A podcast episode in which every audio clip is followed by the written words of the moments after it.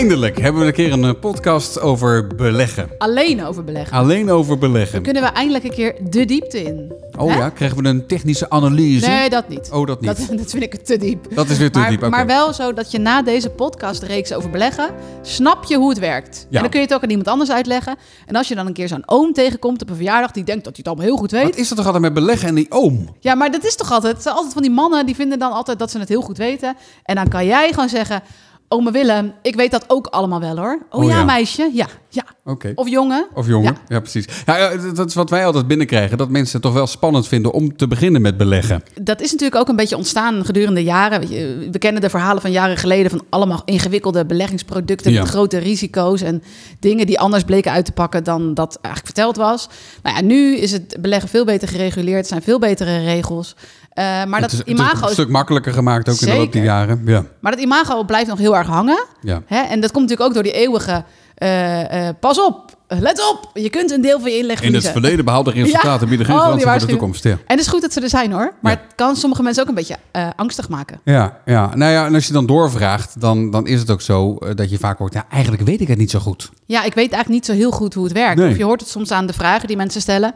Dat je denkt, maar oh, ik merk dat je, je wilt beginnen, maar je weet nog niet goed genoeg hoe het werkt. Want wij zijn wel altijd team beleg alleen in dingen die je zelf snapt en ook kan uitleggen. Uiteraard, natuurlijk. Ja. Ja. Ja, vond jij het spannend de eerste keer beleggen? Nee, ja, ik, sorry, ik moet een beetje lachen, want dat is erg lang geleden. Voor jouw tijd zelfs, Ja, ja. belegde ik al. Met mijn ex-vriend. Jij was al begonnen met beleggen voordat je mij... eh, ja, ja, via de grote bank. Ja. Dat zou ik nu ook niet snel Oh meer doen. maar, bank, ja. En eh, dat was het makkelijkst. En dat was toen al redelijk toegankelijk. Ja. Eh, nog niet zoals nu, maar je moest wel inloggen op de computer en zo. En dan aandelen kopen. En dan ging je Mhm. een beetje zo neuzen van, wat heeft het in het verleden gedaan? Maar ik heb dat wel eens verteld dat ik toen aandelen Gamma had gekocht. En dat ik dacht, nou de bouwmarkt, weet je wel. Ja, ik bedoel, wat kan je gebeuren? Ja. Maar dat bleek dus een bedrijf te zijn in textiel voor bedrijven of zo. Ja. En het was ook nog eens bijna failliet. Dus ik was die persoon die dacht, ik ga gewoon losse aandelen kopen. En dan, eh, dan komt het helemaal goed. Maar ik had echt geen idee wat ik, Ja, ik deed. ja. Maar ik had het wel het eerste jaar 30% winst. dat was denk ik beginnersgeluk. Maar dit is niet meer zoals we het nu doen, hè? Dit Nee. rare gegok. Nee, nee. Eh, wij krijgen in deze podcast krijgen we hulp van eh, Shiva. Zij is directeur bij, bij Meesman. Ja. En bij Meesman kan je namelijk index beleggen, zoals dat heet. We gaan vanaf het begin tot aan het einde. Ze Ja. neemt ons helemaal mee. De Ja. eerste vraag is natuurlijk... Wat is een aandeel? Als je het formeel gaat bekijken, is een aandeel eigenlijk een stukje deelneming in het kapitaal van een onderneming. Lekker formeel gezegd. Eh, in- informeel het een stukje eigendom. Dus je koopt eigenlijk een heel klein stukje eigendom van een bedrijf. En daar zitten dan bepaalde rechten aan verbonden.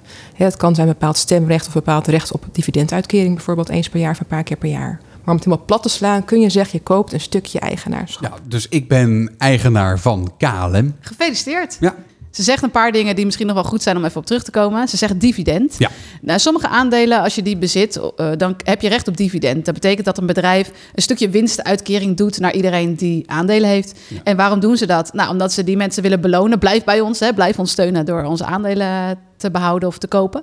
En ze zei ook van dat je stemrecht hebt. Ja. Heb jij wel eens eh, mee mogen stemmen bij KLM? Eh, nou, ik heb, ik heb nooit gebruik gemaakt van mijn, eh, van mijn stemrecht inderdaad. Want Nee. Want dan moet je naar zo'n aandeelhoudersvergadering. Kijk, bepaalde bedrijven, als je zo'n aandeel koopt, zit daar bijvoorbeeld inderdaad dus wel stemrecht aan. Dus kun je inderdaad gaan deelnemen aan bijvoorbeeld een aandeelhoudersvergadering. Gaan we een keer doen. Dat lijkt me echt heel leuk.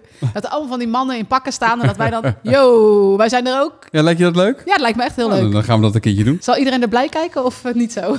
Ja, dat hangt, dat hangt er vanaf hoeveel dividend ze krijgen. Ja, dat is Kijk, en zo kan je al een beetje meepraten. ja, is- precies. Maak ja. maar even indruk op die oom. ja, Zeg ja. gewoon iets over dividend. Maakt Ja. niet uit wat. Of je kan over obligaties beginnen. Een obligatie eh, is een stukje, is eigenlijk een soort van lening.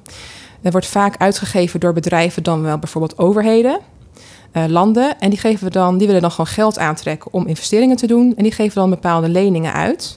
Dus jij leent, door het obligatie te kopen, leen je eigenlijk geld uit aan een bedrijf, dan wel een overheid.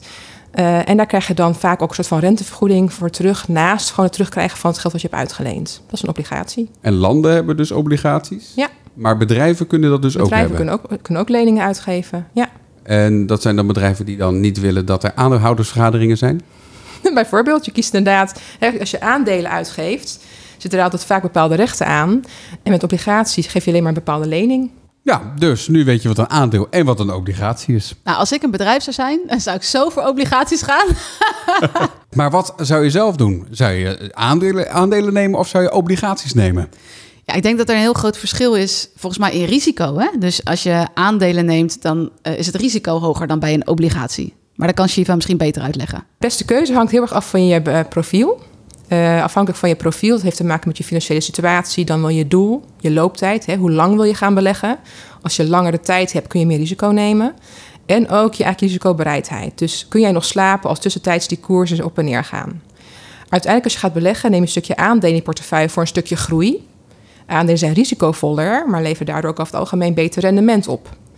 Obligaties zorgen in je portefeuille voor een stukje veiligheid.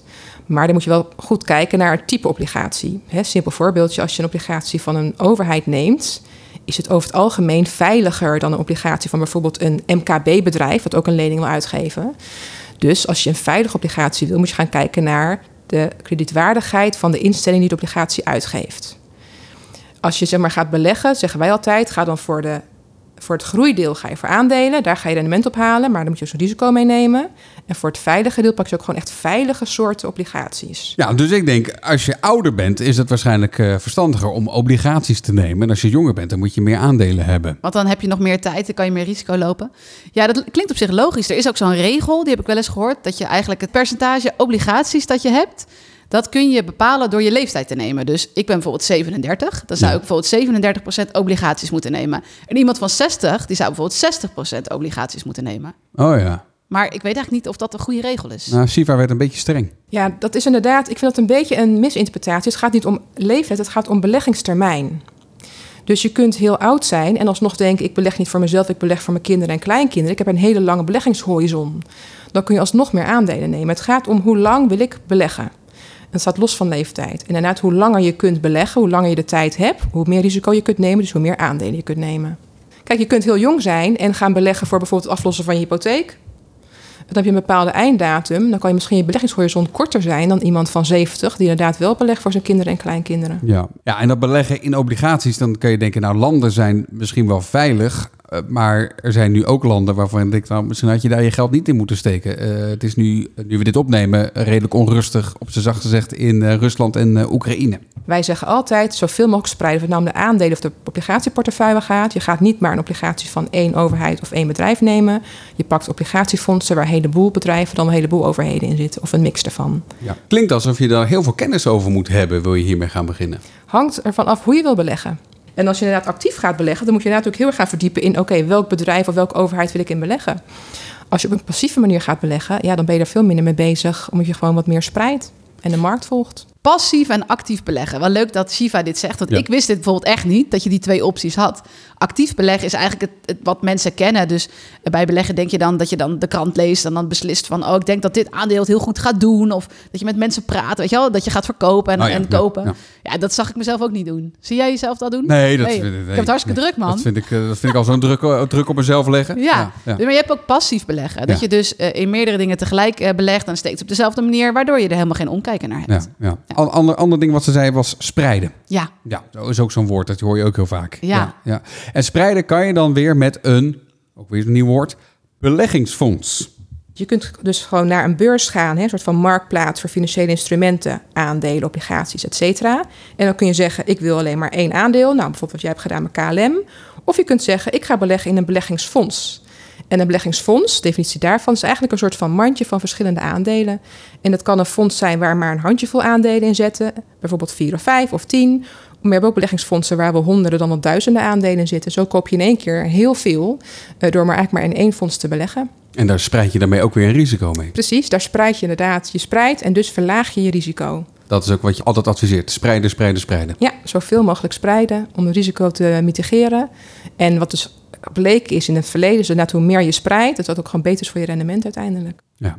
En, en dan nog een ander woord. Dat hoor ik die ome Willem op die verjaardag ook altijd roepen. ETF's. ja. Ja, Heel hip geworden de laatste jaren. hè? ETF's. Heb jij al ETF's? Heb jij al ETF's? Heb jij al ETF's? Ik heb ETF's. Ik heb ook ETF's. Wat zijn het dan? Ja, ETF's, we hebben het net over die beleggingsfondsen gehad. Hè? En die heb je eigenlijk in twee smaken, twee hoofdsmaken. Je hebt actief beheerde beleggingsfondsen. Eh, daarbij gaat dus de fondsmanager, de fondsbeheerder kijken naar... Hey, welke aandelen wil ik erin stoppen? Wanneer wil ik ze erin stoppen? Wanneer wil ik eruit halen? En je hebt passief beheerde beleggingsfondsen. En bij passief beheerde beleggingsfondsen ga je eigenlijk zeggen... ik ga niet actief handelen, ik kan die markt toch niet verslaan... Ik pak lekker gewoon een breed gespreid indexfonds en ik ga er lange termijn in beleggen.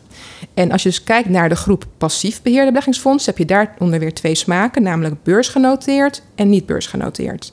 En een ETF is eigenlijk een beursgenoteerde passief beheerde beleggingsfonds. Ja, bij Meesman doen ze aan indexbeleggen. En uh, indexbeleggen is dat je dan een index volgt. En eigenlijk is dat een kopietje van de markt. Zo moet je ja, dat dus zeggen. in dat fonds zitten precies dezelfde aandelen Ja. Eh, als aan die index genoteerd zijn. En de index is bijvoorbeeld de AEX Ja. of de S&P 500 in Amerika. Ja.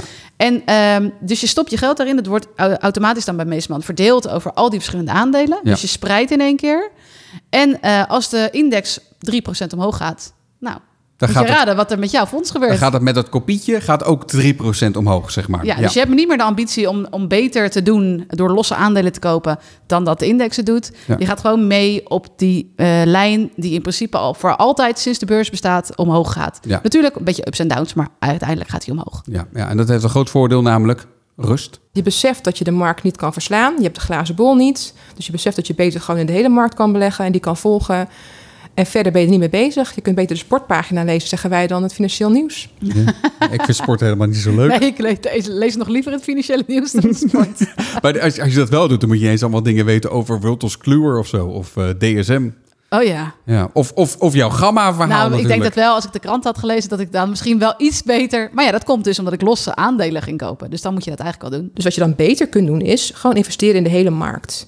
Dus je gaat beleggen in indexfondsen, wat dus staat voor passief beheerde beleggingsfondsen die als doel hebben gewoon een bepaalde index te volgen.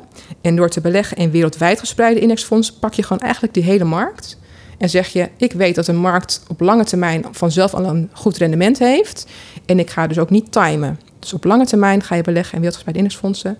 En dat is passief beleggen. De vraag is, levert dat passieve beleggen net zoveel op als dat actieve beleggen? Ja, je denkt bij actief toch, dat moet beter zijn, ja, hè? dat, ja, dat, Zo zeg ja, je het ja, ook. ja. Uit onderzoeken blijkt steeds weer weer dat mensen die passief beleggen... en dus ook niet eh, verkopen als er paniek is... of eh, aankopen als iedereen denkt van... oh, je moet nu kopen. Dat die uiteindelijk het mooiste rendement hebben. Ja. En wij, hebben het, wij zitten, doen dit sinds 2019, ook op deze manier. En ehm, dat gaat vooralsnog heel goed. Het is wel wisselend. Hè? Eén jaar heb je bijvoorbeeld plus 27% hadden wij in 2021. En nu staan we een klein beetje in het rood. Omdat het nu gewoon erg veel onzekerheid op de markt is. Maar eh, over het algemeen hebben we een heel mooi rendement gemaakt. Ja. Shiva die werkt al eh, langer eh, in de financiële wereld. Die belegde eerder zelf ook al.